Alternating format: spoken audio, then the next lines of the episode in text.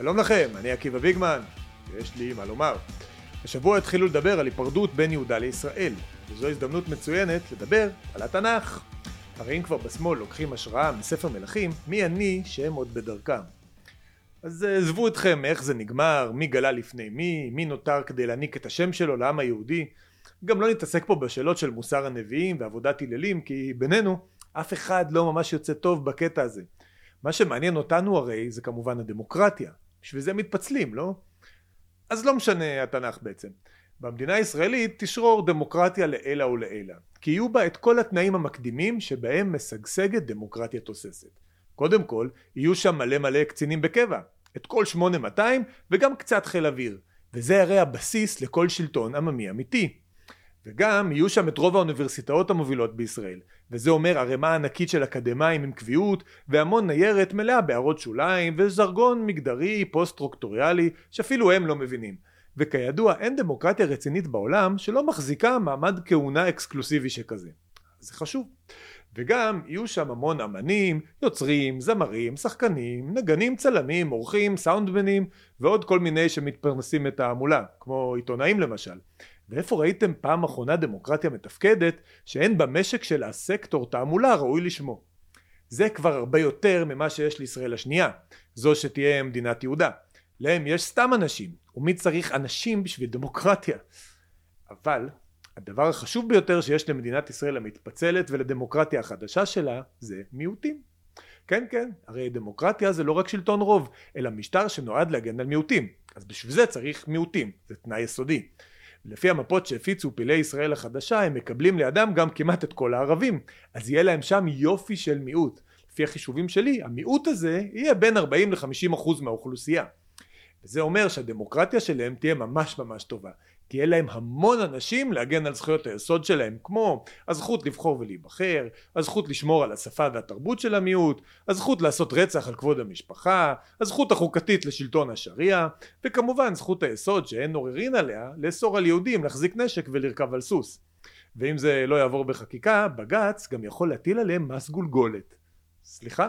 אמרתי בג"ץ הגוף הזה שמורכב מאשכנזים מבוגרים ששומרים על זכויות היתר שלהם איזה טיפש אני, איזה בג"ץ ואיזה בשמץ, כי יש כמובן גם את הזכות לבחור שופטים, אז תשכחו מהאשכנזים המבוגרים האלה. אם ימשיכו בישראל החדשה לבחור שופטים כמו שעושים היום, ייבחרו שם בעיקר ערבים, אז יהיה להם בג"ש, בית דין גבוה לשריעה. מהפכה חוקתית צועדת קדימה. אז לנו, בישראל השנייה, מדינת יהודה, לא נותר אלא להתבונן בקנאה באחינו שמעבר לקו הדמיוני שאיזה טמבל צייר על מפה דיגיטלית, להושיט להם יד, ולהציע להם לחזור ולהתאחד חזרה. נהיה גם נדיבים ונסכים להתפשר, אבל רק קצת, כי בכל זאת לא נרצה לקחת להם את הדבר הכי חשוב שיש בדמוקרטיה שלנו, הזכות להפגין ולהרגיש גיבור נרדף. אני עקיבא ביגמן ואתם מאזינים לאידיוטים שימושיים.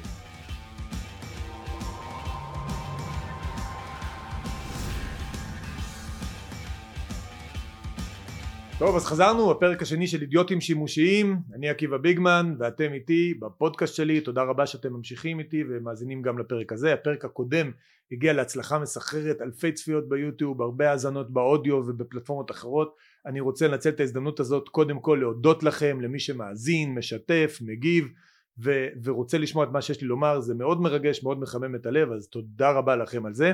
ואני רוצה לפני שנתחיל עם התוכן שלנו היום להזכיר לכם כמובן את חמשת הממים. חמשת הממים של אתר מידע שהוא גם כן מם שעליהם מבוסס הפודקאסט שלי. המם הראשון זה מנוי. עושים מנוי לאידיוטים שימושיים באתר מידע עקיבא ביגמן באתר מידע המנוי הזה עוזר לי להביא לכם תוכן ולהמשיך במלחמה הזאת בשבילכם זה המם הראשון המנוי המם השני זה מגיב להגיב לתכנים שלי להגיב בעמוד היוטיוב שזה מאוד חשוב זה מקדם אותנו ביוטיוב להגיב בפלטפורמות אחרות.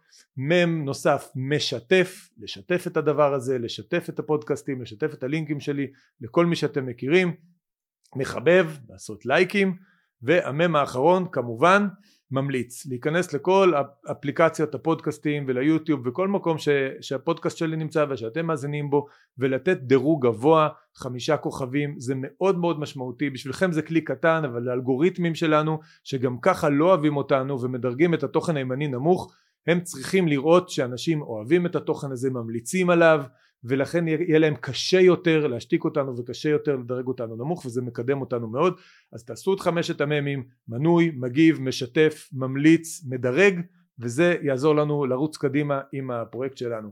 שוב אני מזכיר את המנוי שלי עושים בגוגל. יש גם קישור כאן בתחתית בתיאור של הפודקאסט הזה בכל מקום שאתם נמצאים בו.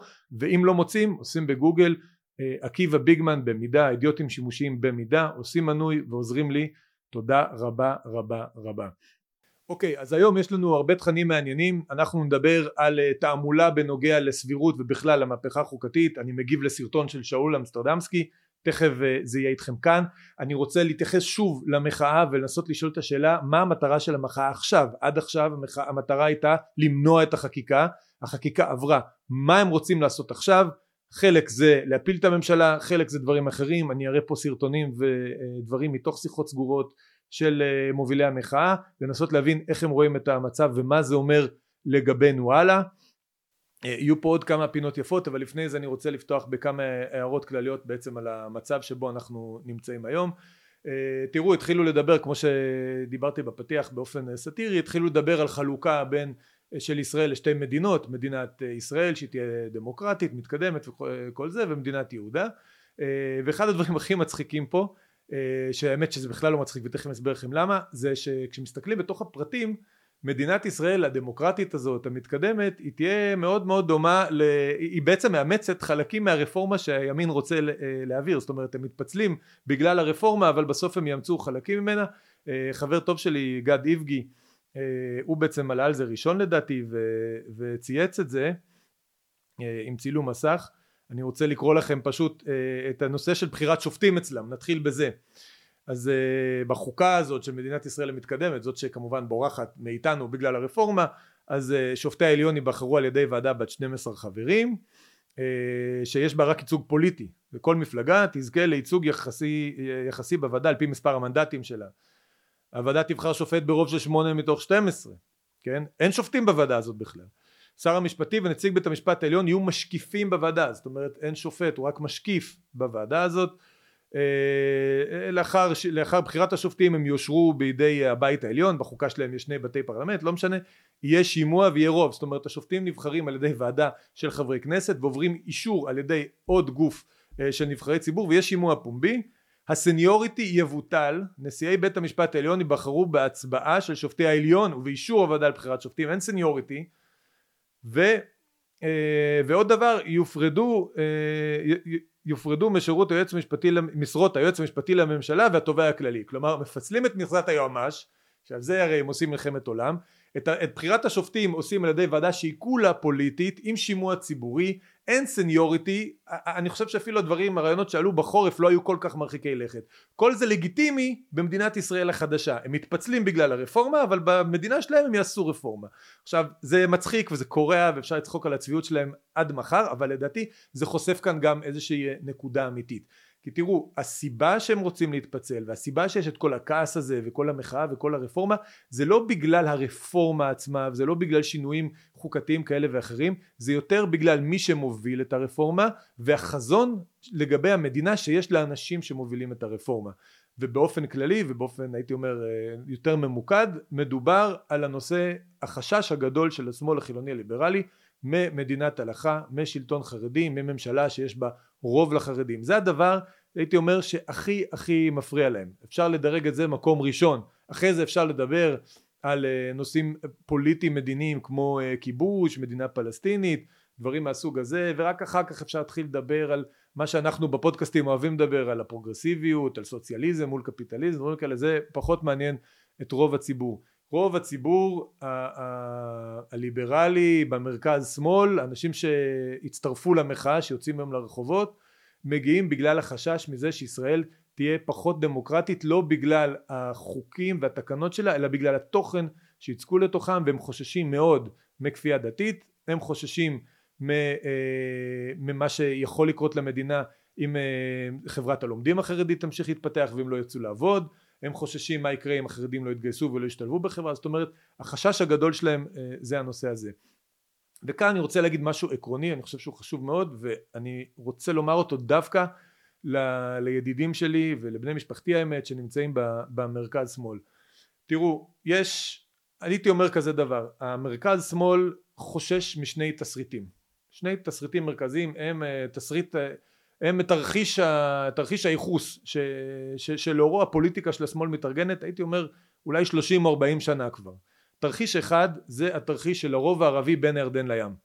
הם חוששים שתהיה פה מדינה, בעצם מדינה דו-לאומית, שאולי בסופו של דבר יהיה מיעוט ליהודים, ואנחנו נמצא את עצמנו בעצם במדינה שהיא גם לא יהודית וגם או לא יהודית או לא דמוקרטית או יותר, יותר סביר אפילו לא יהודית ולא דמוקרטית עם רוב ערבי. זה המוטיבציה המרכזית שמובילה את הרצון להיפרד מפלסטינים או באמצעות הסכם שלום כמו תהליך אוסלו או בהיפרדות חד צדדית כמו בהתנתקות. זה הטרנד שיושב מתחת לפני השטח בנושא המדיני. החשש הפחד מהערבים הפחד השני שיש להם זה הפחד מהדתיים והחרדים ובמידה פחותה יותר אולי המסורתיים אה, שמזוהים עם הליכוד. החשש שישראל תהיה לא ליברלית היא תהיה תיאוקרטיה, תהיה חקיקה דתית, היא תהיה לא מתקדמת, היא תצטרך לתמוך באוכלוסייה גדולה שלא יוצאת לעבוד ומדינה שתלך בעצם אחורה בכל, ה, בכל הבחינות האלה. זה ישפיע על אורח החיים אה, הבסיסי של האנשים זה מאוד מפריע לאנשים. אנחנו אני אדם חובש כיפה אני לא חש את זה באופן אישי ורבים מי שאני מכיר וגם הרבה במחנה שלנו אה, לא חושבים על זה כל כך אבל כבר היום יש הרבה מגבלות בנושאי דת ומדינה שמאוד מפריעים ביום יום להרבה מאוד אנשים כמו תחבורה ציבורית בשבת אה, ודברים אחרים. יש חוקים שעדיין קיימים בספר חוקים שפשוט נשחקו כמו נושא של בילויים ובתי קולנוע ודברים כאלה. מדינת ישראל יש בה הרבה חקיקה דתית שמגבילה אנשים ביום יום שלהם זה מאוד מפריע לאנשים כבר היום. אני חושב שאנחנו לא מספיק מבינים את זה וזה ויותר משזה מפריע להם מה שיש היום כי מה שיש כבר באיזשהו מקום מתרגלים הם מאוד מאוד חוששים ממה שיכול להיות בעתיד. הם חוששים אה, מאיפה שהמדינה הזאת תגיע. עכשיו אלו שתי חששות שהם אה, אפשר להתווכח איתם אפשר לעשות מה שרוצים איתם אבל הם, חי, הם אה, קיימים והם נוכחים בציבור רחב מאוד אה, ובעיניי אפשר גם להבין אותם ובהרבה מובנים הם לגיטימיים. אה, לא נדבר על זה כרגע כי אני לא רוצה להתווכח איתם. אני רוצה להסביר לשמאלנים שצופים בי אני רוצה להסביר משהו מאוד מאוד פשוט מבחינת המבנה של הפוליטיקה בישראל צריך לבחור. יש שני תרחישי ייחוס תרחיש ייחוס הרוב הערבי תרחיש ייחוס המפחיד הרוב החרדי. זה שני הדברים שמאיימים עליכם. הפוליטיקה בישראל בנויה ככה שאתם צריכים לבחור איזה תרחיש ייחוס אתם רוצים לנטרל. בתוך הפוליטיקה בכלים רגילים. אם אתם חוששים מזה שמדינת ישראל תהיה נשלטת על ידי מיעוט גדול חרדי או תהיה אפילו בעתיד בעלת רוב חרדי ותהיה לא ליברלית בכל המובנים האזרחיים הדרך לפתור את זה זה לייצר ברית עם ה- ה- הימין החילוני הליברלי במילים אחרות הליכוד ביבי. זאת הדרך היחידה. אם המרכז שמאל ישתף פעולה פוליטי עם הימין והמרכז ימין החשש הזה יכול להתפוגג לחלוטין. יש פתרון בתוך המערכת הפוליטית לחשש הזה מפני מדינת הלכה מבחינת מפני הרוב, הרוב החרדי. כי רבים בליכוד שותפים לתפיסות הללו. רובם היו רוצים לראות את החרדים מתגייסים אולי לא בכפייה אולי בהדרגה יש כל מיני וריאציות יש הרבה פתרונות. היינו רוצים לראות את החרדים מתגייסים רוצים לראות אותם משתלבים בשוק העבודה רוצים לראות אותם הופכים לפרודוקטיביים נהיים חלק מהחברה הזאת תורמים לחברה ונותנים לה מבחינת מיסים יותר ממה שהם לוקחים. זה רוב הישראלים אה, שותפים לדעה הזאת. יש אולי ויכוחים זה בגלל אינטרסים פוליטיים לדעתי לפיד שרוצה לעשות את זה בכפייה כל הזמן וליברמן שמזריק פנימה אנטישמיות. בגדול אם היה פה רוב הייתה פה ממשלה ממשלת אחדות יציבה שסדר היום שלה הוא אזרחי היה אפשר למצוא גם מנגנונים שיעשו את זה בצורה הדרגתית בצורה נעימה בלי להיכנס למלחמת עולם מול הציבור החרדי. היו כבר דברים כאלה בעבר אנחנו ראינו התקדמות הדרגתית בנושאים הללו. אני חושב שזה אה, בכלל אה, בכלל לא רחוק אה, לא רחוק מהשגה זו, זו דעתי האישית. זאת אומרת אם אנחנו מחליטים שתרחיש הייחוס החרדי הוא הכי מסוכן והכי מפחיד יש פתרון בתוך הכנסת באמצעות שיתוף פעולה פרלמנטרי בין, אה, בין מפלגות הרוב. ודרך אגב בממשלה כזאת החרדים גם יכולים להיות. פשוט לא יהיה להם כוח וטו. ו, והרבה דברים יוכלו לקרות. אני אסיים את העניין הזה. תזכרו את ממשלת שרון הראשונה. זאת הממשלה שנתניהו עד היום מתגאה בהישגים שלו כשאר אוצר. זאת הייתה ממשלה רחבה. החרדים נכנסו ויצאו ממנה בהתאם לכל מיני שינויים אבל הם בהחלט לא שלטו בה. והממשלה הזאת עשתה רפורמות כלכליות ליברליות שהיו קריטיות למשק והובילה הרבה דברים והיא גם הובילה את חוק טל חוק טל שהסדיר את גיוס החרדים ובית המשפט העליון ביטל אותו ותכף נדבר על התפקיד של בג"ץ בכל הסאגה הזאת את הדבר הזה, את תרחיש הייחוס החרדי אפשר לפתור בתוך הכנסת. תרחיש הייחוס הפלסטיני סותר את זה.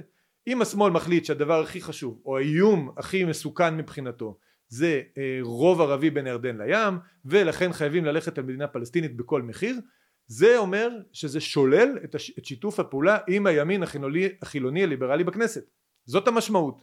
וזה מה שאנחנו רואים בעת האחרונה. השמאל החליט בצורה אסטרטגית לדעתי שגויה לחלוטין החליט ללכת עם כל הקופה על המדינה הפלסטינית. הם הרבה יותר מפחדים מהערבים ממה שמפחדים מחרדים. זאת ההחלטה שהם קיבלו ולכן נתניהו לא לגיטימי כי נתניהו הרס את הסכם אוסלו פעם אחת בשנות התשעים פעם שנייה הוא ממוסס את זה בכל מיני דרכים נכלוליות הם מאוד מאוד לא אוהבים את זה אבל זה הצלחה כבירה שלו אה, מול אובמה ומול אחרים הוא מצליח ללכת בין הטיפות ובעצם להרוג את רעיון שתי המדינות לשני עמים כל פעם הם בוכים על זה בארצות הברית בשמאל האמריקאי ובישראל והשמאל בישראל החליט שהוא מהמר הולך עם כל הקופה על הנושא הערבי הם יותר מפחדים מערבים מה שמפחדים מחרדים וכאן נכנס בג"ץ. אז מה עושים עם תרחיש האימים השני? מה עושים עם האיום החרדי? החלטנו להמר על כל הקופה ויתרנו על שיתוף פעולה פרלמנטרי עם הימין החילוני. החרדים הולכים אנחנו הולכים על הערבים. אבל מה נעשה כשלימין יש ממשלה והחרדים רק הולכים להיות יותר ויותר אה, אה, גדולים דמוגרפית יהיה להם יותר ויותר כוח פוליטי והם עלולים באמצעות הכוח שלהם אה, להגשים את חלום הבלהות האנטי ליברלי האזרחי. מה עושים פה השמאל הימר בצורה מלאה על בג"ץ. החל מסוף שנות ה-80 בנושא, בנושאי דת ומדינה ובנושאים אזרחיים השמאל שם את כל הביצים על בג"ץ. כל העתירות לבג"ץ היו לנו, לא כל אבל הרבה מאוד עתירות לבג"ץ היו לנושאים האלה. דת ומדינה החוק הראשון שבוטל זה היה חוק חזיר בכלל. אה, היו נושאים של אה, חוק הגיוס בוטל על ידי בג"ץ כבר ארבעה פעמים ארבעה פעמים הוא בוטל אולי אני טועה במספר אבל בוטל אה, מספר רב של פעמים במשך עשרים השנים האחרונות. היו חוקים אחרים שנגעו לסבסוד אה, אברכים אה, היה מי שזוכר בסוף שנות התשעים את כל המאבק הענקי על רחוב בר אילן בירושלים שגם שם היו מעורבים היה מעורב עניינים משפטיים. זאת אומרת היה זכות לנסוע הרי בכביש הזה זה היה איזושהי הפגנה לנסוע בכביש ואז החרדים הפגינו וכן הלאה זה גם מגיע דרך בתי המשפט. זאת אומרת השמאל החליט שבג"ץ יסגור את האגף של האיום החרדי. הוא יכיל את האיום החרדי. אנחנו נגן על הזהות על אורח החיים הליברלי החופשי על החירות האזרחית שלנו במדינת ישראל באמצעות בתי המשפט ואנחנו נוכל לשים את כל הקלפים הפוליטיים את כל העבודה הפרלמנטרית את כל הכוח האלקטורלי שלנו על הנושא הפלסטיני. זאת החלטה אסטרטגית שהשמאל כמחנה קיבל גם אולי אפילו באופן לא מודע אבל הוא קיבל את ההחלטה הזאת וככה הוא נוהג. ולכן כשמאיימים לשנות משהו במאזן הכוחות עם בג"ץ הם נכנסים לפאניקה מטורפת. כי זה שומט מתחת לכל המבנה שלהם את התשתית. אתה לוקח מהם את בג"ץ אתה לוקח מבג"ץ את היכולת לבטל חוקים ולהתערב בצורה כל כך דורסנית בחיים הפוליטיים שלנו ובחיים האזרחיים שלנו אתה מפקיר את הזירה לכנסת. ומה שיש בכנסת זה איום ונורא. יש שם ליכוד יש שם ציונות דתית יש שם חרדים יש את כל האנשים הללו שיש להם המון כוח פוליטי ומרכיבים ממשלות ברציפות כבר כמעט עשרים שנה. מה נעשה עם זה? ולכן השמאל נכנס לכזאת היסטריה ולכזה לחץ כי כל, ה, כל האסטרטגיה הייתה בנויה על זה שבג"ץ יחזיק את השד החרדי בתוך הבקבוק. וזה לא מחזיק ולהפך המעורבות של בג"ץ בנושאים האלה יצרה זעם. היא הפכה את הזעם על בג"ץ אה, אה, אה, להרבה יותר רחב מאשר החברה החרדית דיברנו בפרק הקודם על זה שכל הזמן הרעיון של השאיפה בפוליטיקה צריכה להיות להרחיב את התמיכה בך, להרחיב את ההבנה ולהרחיב את האמפתיה שציבורים מגלים לצרכים שלך. יש היום ציבור רחב מאוד שמגלה אמפתיה לצרכים של החרדים בגלל בג"ץ. כי אנשים רואים, אנשים, אנשים שלא מזדהים עם אורח החיים החרדי רואים איך בג"ץ מתערב בנושאים ואומרים אני נגד זה, אני לא מוכן שבג"ץ יתערב פה. וקחו למשל את הנושא של הגיוס. הכנסת השיגה פשרה על הגיוס, זה נקרא חוק טל. זה לא היה מושלם זה היה נועד לשחרר בעיקר בעיקר לשחרר את החרדים הצעירים החרדים להיכנס לשוק העבודה בגיל צעיר יותר. זה לא היה מביא אותם כנראה לגיוס אבל מביא אותם להשתלבות במשק. זה בגדול היה הרציונל. אהרון ברק בשנת 2005 קיבל לידו עתירה ראשונה נגד חוק טל. חוק טל שהושג בפשרה פרלמנטרית באותה ממשלת שרון שעליה דיברתי.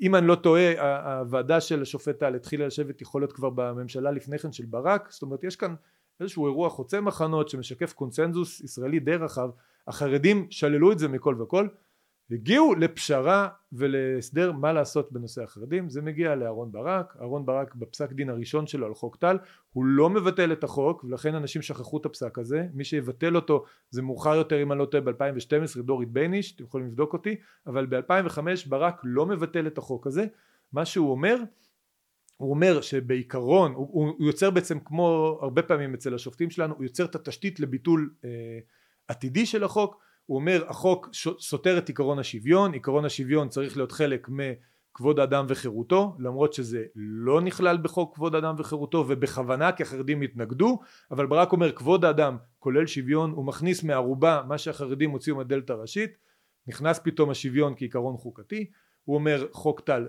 סותר את עקרון השוויון ולכן אם בעתיד אנחנו לא נראה שיש גיוס אה, במספרים גבוהים של חרדים יהיה מוצדק לבטל אותו הוא נותן אה, אורכה של חמש שנים עוברות חמש שנים יש שוב עתירה ואנחנו מגיעים אה, לביטול של חוק טל ואז לתוך הסאגה הזאת שלא עזבה אותנו עד היום שאנחנו בסבב רביעי או חמישי אולי כבר של חוקי גיוס חרדים כל מיני פתרונות לגיוס חרדים זה יעלה שוב במושב החורף כי זה קריטי הדבר הזה כי מבחינה חוקית חרדים כבר צריכים להתגייס כלו כל הקיצים בג"ץ התערב בדבר לא לא, מנע מהכנסת לייצר פשרה, אותה כנסת שהיה בה את הקונצנזוס הציוני, הליברלי, החילוני, ימין ושמאל ביחד, ממשלת שרון הראשונה, יצרה פשרה בנושא גיוס חרדים, בג"ץ ביטל אותה ותראו לאן זה הוביל אותנו היום.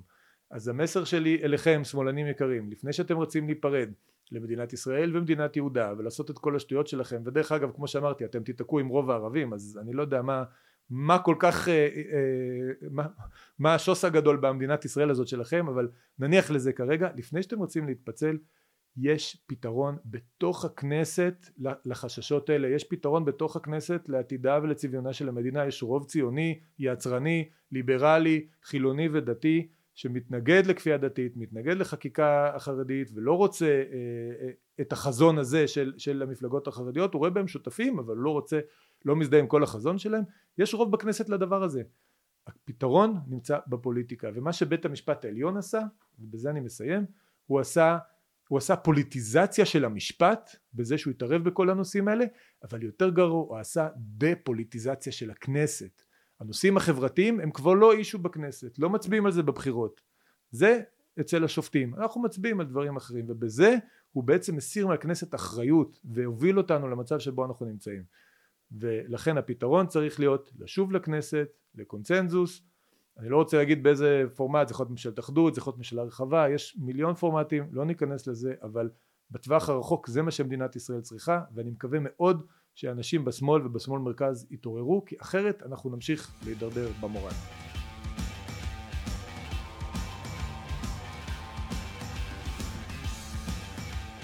שאול אמסטרדמסקי, זה שמוציא סרטונים קצרים וחמודים כאלה על חשבון משלם המיסים, הוציא, הוציא אתמול קצר כזה על ההייטק הישראלי, והוא טען שבעקבות החקיקה, הייטקיסטים יעברו לחו"ל. אתמול ראיינתי סטארטאפיסט ישראלי צעיר שאמר, תקשיב, אם הייתי צריך להקים את החברה שלי עכשיו, הייתי רושם אותה בארצות הברית, לא בישראל. בשביל להקים ולנהל חברה, אתה חייב ודאות משפטית. לדעת שהעסק שלך מוגן. אנשי עסקים, הם עושים דוח מודי'ס לעצמם, הם לא מחכים, הם צריכים לקבל החלטות כאן ועכשיו. לפי הטענה הזאת, הייתה בישראל ודאות משפטית מצוינת. רק בעקבות הרפורמה של הממשלה הרעה הזאת, הוודאות נפגעה, ואנשי עסקים מתחילים לחשוב פעם ראשונה בחייהם על האפשרות לרשום את העסקים שלהם בחו"ל.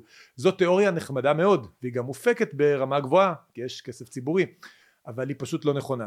המציאות היא שישראל כבר שנים רבות נחשבת מקום לא טוב לעסקים מבחינה משפטית.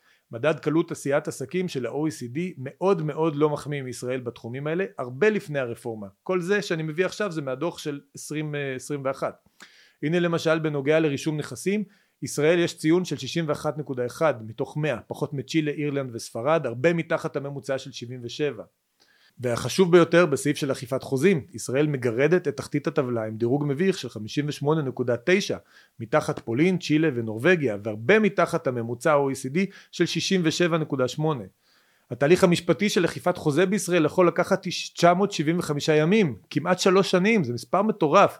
רק יוון, איטליה וסלובניה גרועות יותר מאיתנו בזה.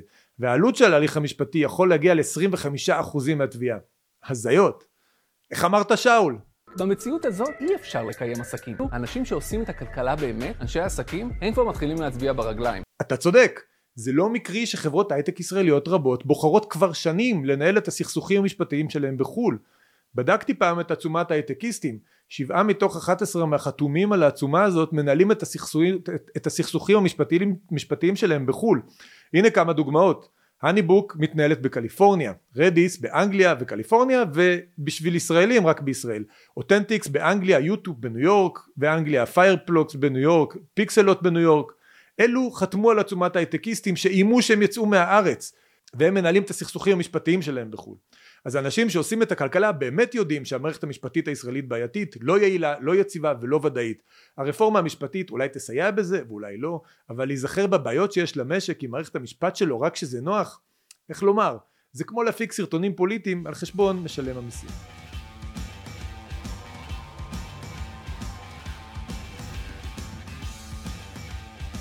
טוב, אחת השאלות שאני חושב רבים שאלו, שאלו את עצמם היום, גם בימין וגם בשמאל, זה מה רוצה המחאה, הלאה, החקיקה עברה, הם, את הקרב על החקיקה הם הפסידו, זה נראה שאת הקרב על החקיקה העתידית, דרך אגב, הם ניצחו, כי כבר ראינו אה, חברי כנסת, אה, שבעה חברי כנסת מהליכוד מודיעים שהם לא הולכים לתמוך בחקיקה אה, חד צדדית בעתיד, זאת אומרת, הקרב לחקיקה נגמר, ברור מי מנצח מי מפסיד, והשאלה היא מה המחאה רוצה הלאה.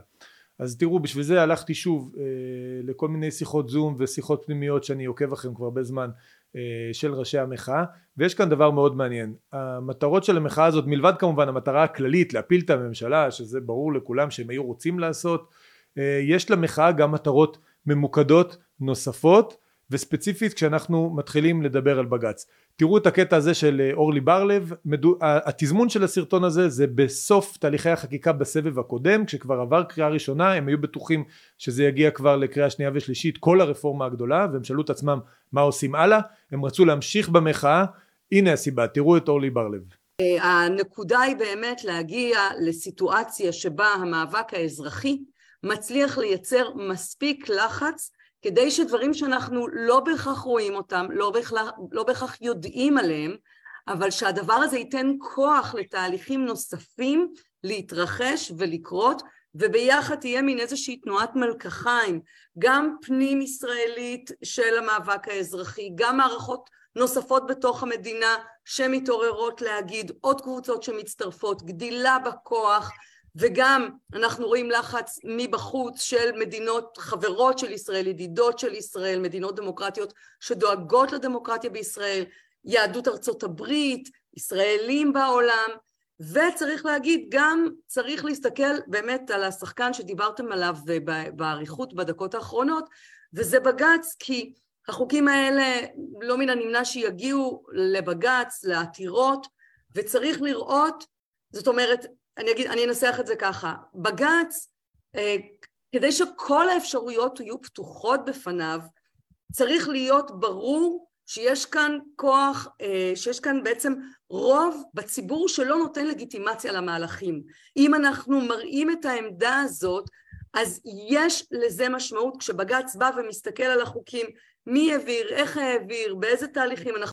אז אורלי בר-לב מדברת על, אה, על זה שהמחאה נותנת כוח לכל מיני דברים שאנחנו לא לא את כולם יודעים אה, לשער או לחזות כמו דברים בחו"ל וכן הלאה אבל בעיקר בית המשפט העליון. אני מבינה ששופטי בית המשפט העליון צריכים לראות את המחאה כדי שיהיה להם כוח לפעול. זאת אומרת ברור לה כמובן שאם השופטים יפסלו את החוקים האלה זה לא עניין משפטי שפרשנות החוק מחייבת לפסול את החוקים אלא עניין פוליטי והם רוצים לראות תמיכה ברחוב לפוליטיקה שלהם. אהוד ברק בסרטון באותו תקופה פחות או יותר קצת יותר מאוחר הוא מדבר על אותם דברים ומסביר את החשיבות של המחאה בהקשר הזה של בית המשפט העליון בואו תראו. אבל המחאה לפי דעתי גם הגורם שבגללו הבג"ץ יכול לפעול. הבג"ץ לא יכול לפעול בחלל ריק. הוא לא יכול. אנחנו ראינו, מה אתם חושבים שהשופטים בהונגריה או בפולין הם לא אנשים אמיצים, ישרים, לא, הם כן. לא יכולים לפעול כשהם לבד.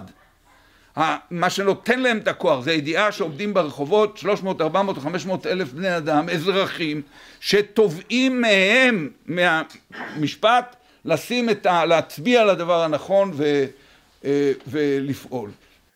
אז ככה זה נראה מהצד של, של מובילי המחאה, האסטרטגיים שלהם, אפשר לקרוא לזה ככה, אנשים שחושבים על המחאה ומנסים לדחוף אותה ומנסים לחשוב מה לעשות. הם מבינים שהלחץ מהרחוב, ההפגנות, המחאות הללו, מאפשרים לבג"ץ את מרחב הפעולה שלו, נותנים לו לגיטימציה לפעול, נותנים לו לגיטימציה לבטל חוקי יסוד, לעשות דבר חסר תקדים שאפילו הם עוד לא עשו, להחליט שיש חוקי יסוד שגוברים על חוקי יסוד אחרים ולבטל את התיקון לחוק היסוד ש... אה, שהממשלה למעשה הגישה, ככה זה נראה מהצד של מארגני המחאה.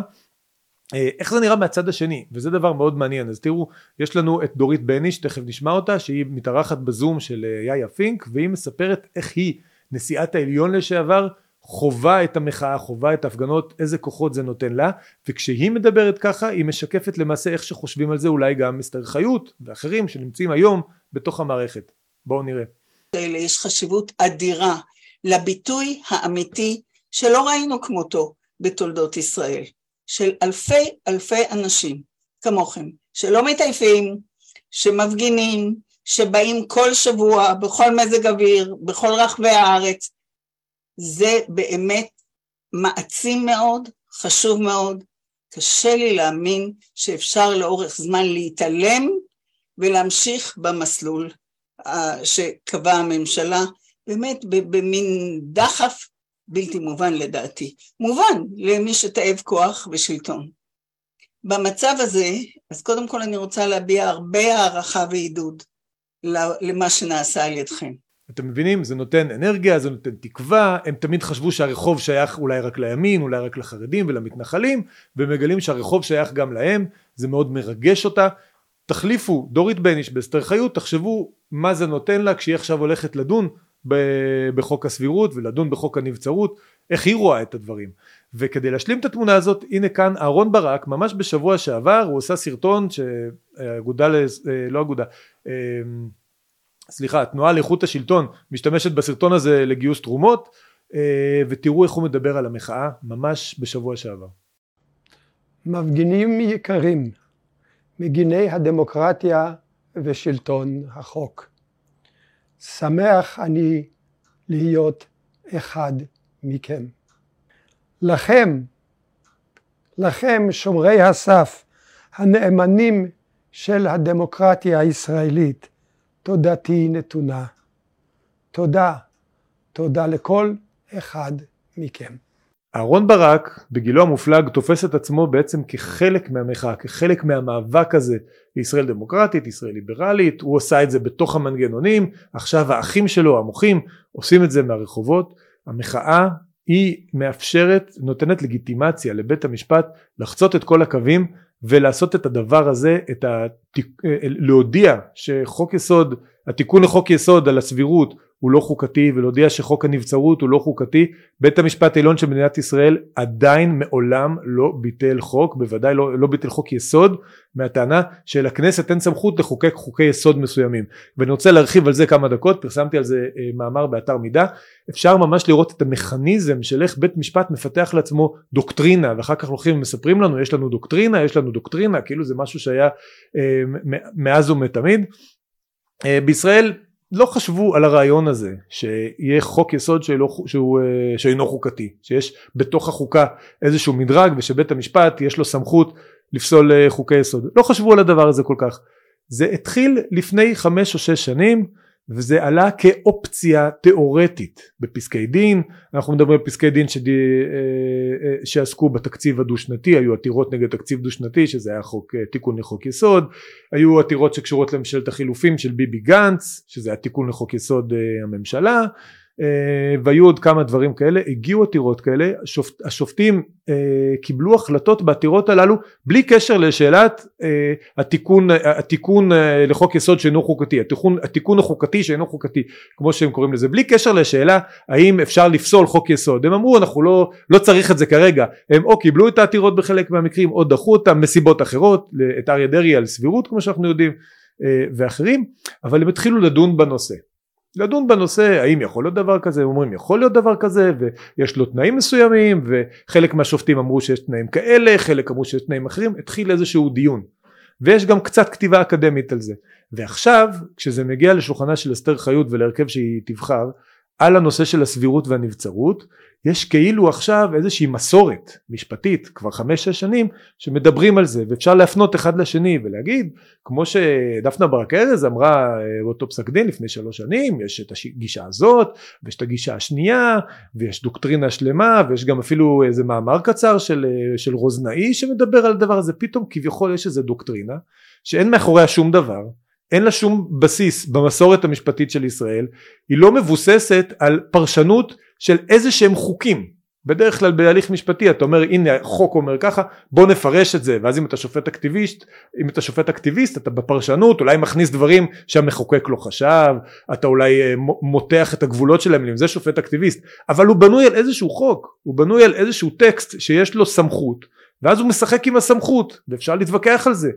פה אין שום דבר זה הכל הגיגים נראה לנו הגיוני שהכנסת לא יכולה לעשות כל מה שהיא רוצה ולקרוא לזה חוקה ו- ולחשוב שהיא מוגנת מביקורת שיפוטית. נראה לנו, סבבה, נראה לכם. ונראה לנו לא הגיוני שיכול להיות חוק יסוד, למשל זה אחד הטיעונים, שחוק יסוד יסתור חוק יסוד אחר, כלומר הם רוצים להגיד שכבוד אדם וחירותו למשל יש לו, אה, יש לו מעמד יותר גבוה מלמשל חוק הלאום, זה עלה בעתירה הזאת למשל, שיש איזשהו אה, עקרונות על שהחוקים אחרים צריכים להתאים להם. מי קבע? מי אמר? נראה להם. באמת אין שם שום בסיס. יש תקדימים בעולם בהודו ואני יודע מה, בטרינידד, בכל מיני מקומות כאלה. זה משמש בדיון הזה. אתה קורא את הטקסטים ואתה אומר זה, זה אפילו לא הגות דמוקרטי, גם הגות יש לה איזשהו אה, בסיס או תשתית, זה הגיגים של שופטים ושמשתמשים בהגיגים שלהם כדי לייצר משהו שאחר כך אפשר לקרוא לו דוקטרינה של ביטול חוקי יסוד והם הולכים לבטל לנו על זה חוקים. זה הולך ל... זה יבוא לדיון עכשיו אני מעריך שהם ישתמשו בכוח הזה. ראינו את אה, ראינו את אהרון ברק ראינו דורית בניש. הם מקבלים את הכוח מהמחאה והם עכשיו ייקחו את זה לשם. הם יבטלו חוקי יסוד בגלל איזה דוקטרינה שהם המציאו בשיח פנימי בתוך עצמם במעט מאוד שנים פסקי דין שמזכירים אחד את השני יוצרים כביכול חזות אה, של דוקטרינה ואחר כך אתם תראו יהיה גם כתיבה אקדמית ועשו על זה דוקטורטים על סמך הדבר הזה ו, וזה פשוט כלום זה ריק ואני מפציר בכם שוב זה מסר שאני חוזר עליו כמה שאני יכול. אנשים משכילים אנשים חכמים אנשים שצופים בי יודעים לקרוא טקסט הטקסטים המשפטיים זה פשוט תחפושת של תחכום אין שם שום דבר יש פסק דין, בעיקר פסקי דין של בג"ץ, אני לא מדבר איתכם על דברים שהם אה, נוגעים במשפט פלילי או בדברים אה, כאלה ששם באמת יש עניין יותר מקצועי של, אה, של הבנת החוק והבנת הטקסט וכן הלאה, למרות שגם זה אפשר לחשוב, אבל בעיקר טקסטים של בג"ץ אפשר לקרוא אותם, אפשר בקלות מאוד גם בטקסטים ארוכים לזהות איפה מה שחשוב לקרוא, איפה זה השטויות שהשופטים כותבים וההפניות ההדדיות אחד לשני, לאתר את הפסקאות החשובות, לקרוא אותם, לראות מה כתוב שם, לפזר את הערפל שיש סביב העילה הזאת של השופטים שהם עליונים ושיש איזשהו מקצוע של שיפוט או של אה, מקצוע של שיפוט חוקתי שזה בכלל, אה, בכלל הבלים פשוט לקרוא את הטקסטים לראות מה יש מאחורי זה זה לא מאוד מסובך ובדרך כלל אין מאחורי זה שום דבר מלבד כל מיני סברות קרס והגיגים של אנשים שדמוקרטיה זה לא המקצוע שלהם שיפוט זה המקצוע שלהם. אני לא הולך להתווכח עם אסתר חיות על החוק הפלילי אני לא הולך להתווכח אותה בדיני מיסים אני לא הולך להתווכח איתה בדיני חוזים אני גם לא מבין בזה כלום. אבל במבנה של משטר אני מבין לפחות כמוה אם לא יותר זה הכל אני אזרח אני סקרן אני קורא אני לומד ואני מבין בזה כנראה יותר מרוב השופטים שלנו.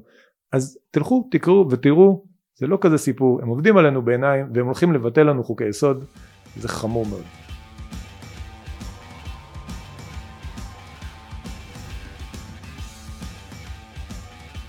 אוקיי, אז פרק נוסף של אידיוטים שימושיים מגיע לסיומו, ואנחנו הגענו לפינה האהובה עליי, פינת האדם הסביר, שבה אני, האדם הסביר, עונה לשאלות שלכם, המאזינים הסבירים, ששואלים אותי כל מיני שאלות בדברים שמטרידים אותם, ואני נותן תשובה סבירה, מידתית ונכונה בהחלט. רק אל תנסו את זה בבית.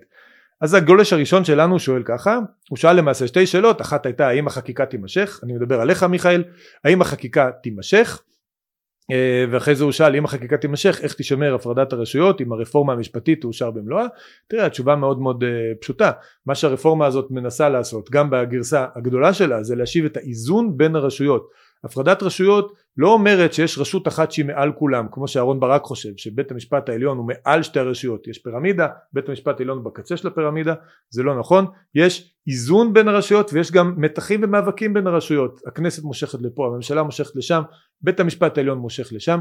יש איזונים בין הרשויות. גם אם אנחנו אה, לוקחים מבית המשפט העליון את, ה, את הסמכות לבטל חוקים או להתערב במדיניות מטעמים של סבירות שזה הפך אצלו בעצם לטעמים של אג'נדה ואני יכול לעשות גם אה, פרק בפודקאסט אה, עדיין יש לבית המשפט העליון אה, המון כלים להתערב בהחלטות שהן לא מידתיות, החלטות שיש בהן אה, פגיעה בשוויון, שיש בהן אפליה, שיש בהן חשש למניעים זרים, יש המון המון כלים לבית המשפט, לבית המשפט יש תפקיד משמעותי מאוד גם בערעורים גם uh, בביקורת שיפוטית במקרים מסוימים אפילו אפילו בוא נאמר בישראל מעולם לא ניתנה סמכות רשמית לבית המשפט לביקורת שיפוטית על חקיקה של הכנסת.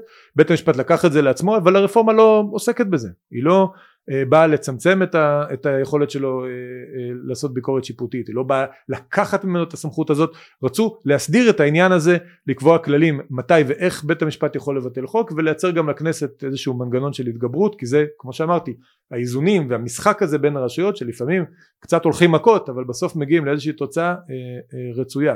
אז ביקורת שיפוטית צריכה לבוא ביחד איזשהו אה, מנגנון התגברות אפשר לדבר על הפרטים זה לא במסגרת הזאת אבל בוודאי שהפרדת הרשויות נשארת זה לא הרפורמה הזאת לא מבטלת את הפרדת הרשויות. כל מי שאומר לכם אחרת זה סתם תעמולה ולצערי יש הרבה מאוד תעמולה. אה, שאלה נוספת של אה, אחת, המנויות יהודית היא שואלת האם אפשר להתחיל בקמפיין שבסופו יהיה חוק שמונע מאנשי צבא או מערכת הביטחון מדרגת רב סרן להיכנס לפוליטיקה. היא אומרת לא צינון ולא קירור אלא נעילת הדלת בפניהם. היא חושבת שזה גם ישנה את מערכת המינויים בתוך הצבא כי אם באופק של אה, מינוי אה, בתוך הצבא אין פוליטיקה אז גם אה, המינויים יהיו אחרים. תראי יהודית אני לא אוהב את הדברים האלה.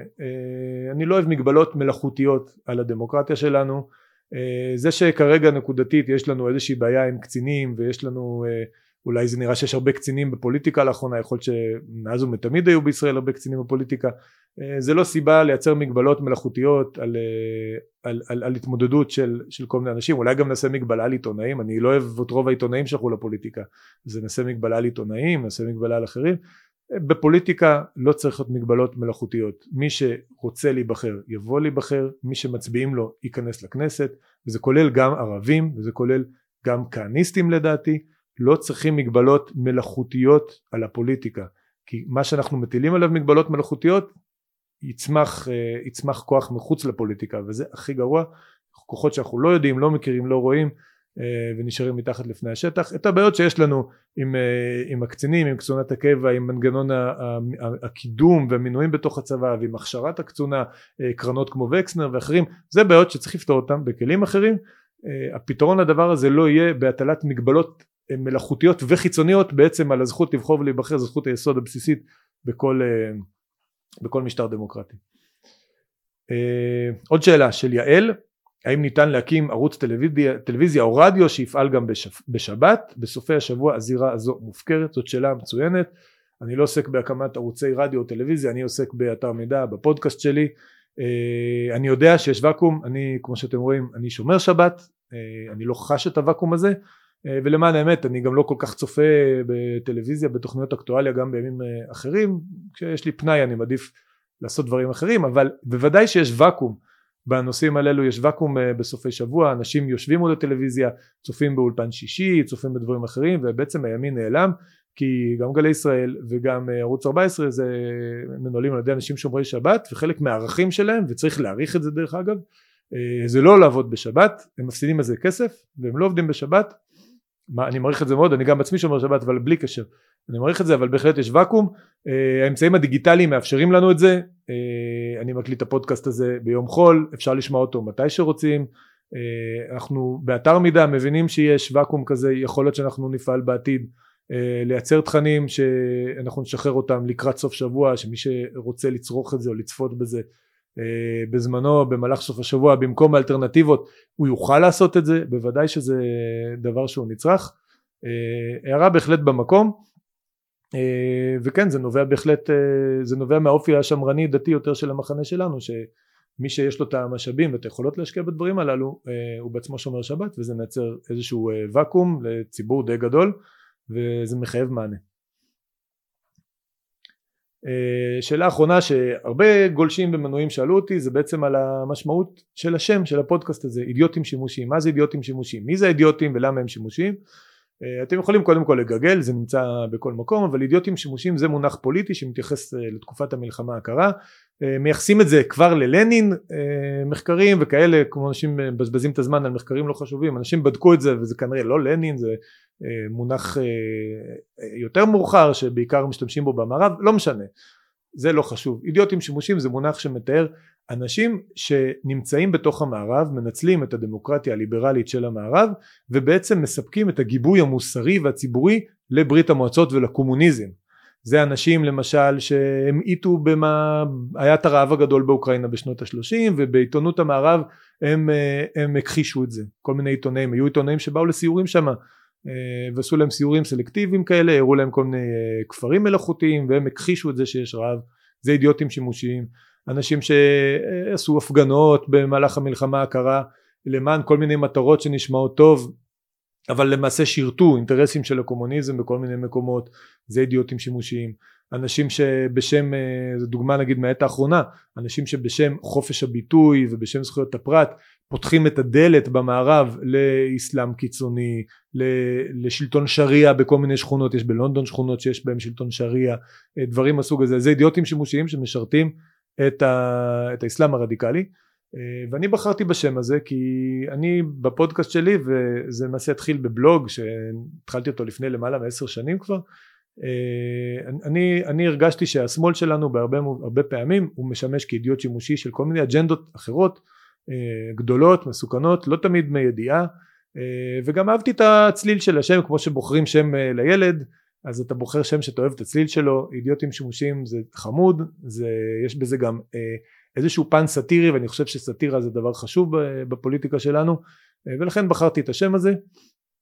זה הכל אנחנו פה מדברים על ימין ושמאל אנחנו מדברים על אידיוטים שימושיים אז תודה רבה שהייתם איתי אני מזכיר לכם שוב ללכת לעשות גוגל מנוי לעקיבא ביגמן באתר מידע מנוי לאידיוטים שימושיים באתר מידע לעשות מנוי אצלי בדף המנוי שלי יש לינק כאן בתחתית ובתיאור זה מאוד חשוב זה מאוד עוזר לי באופן אישי אה, להמשיך לייצר את התכנים הללו. מי שעושה מנוי יכול להיכנס, להכניס שאלות ולהיכנס כאן לפינת האדם הסביר. אני אתייחס לשאלות שלכם בפרק הבא.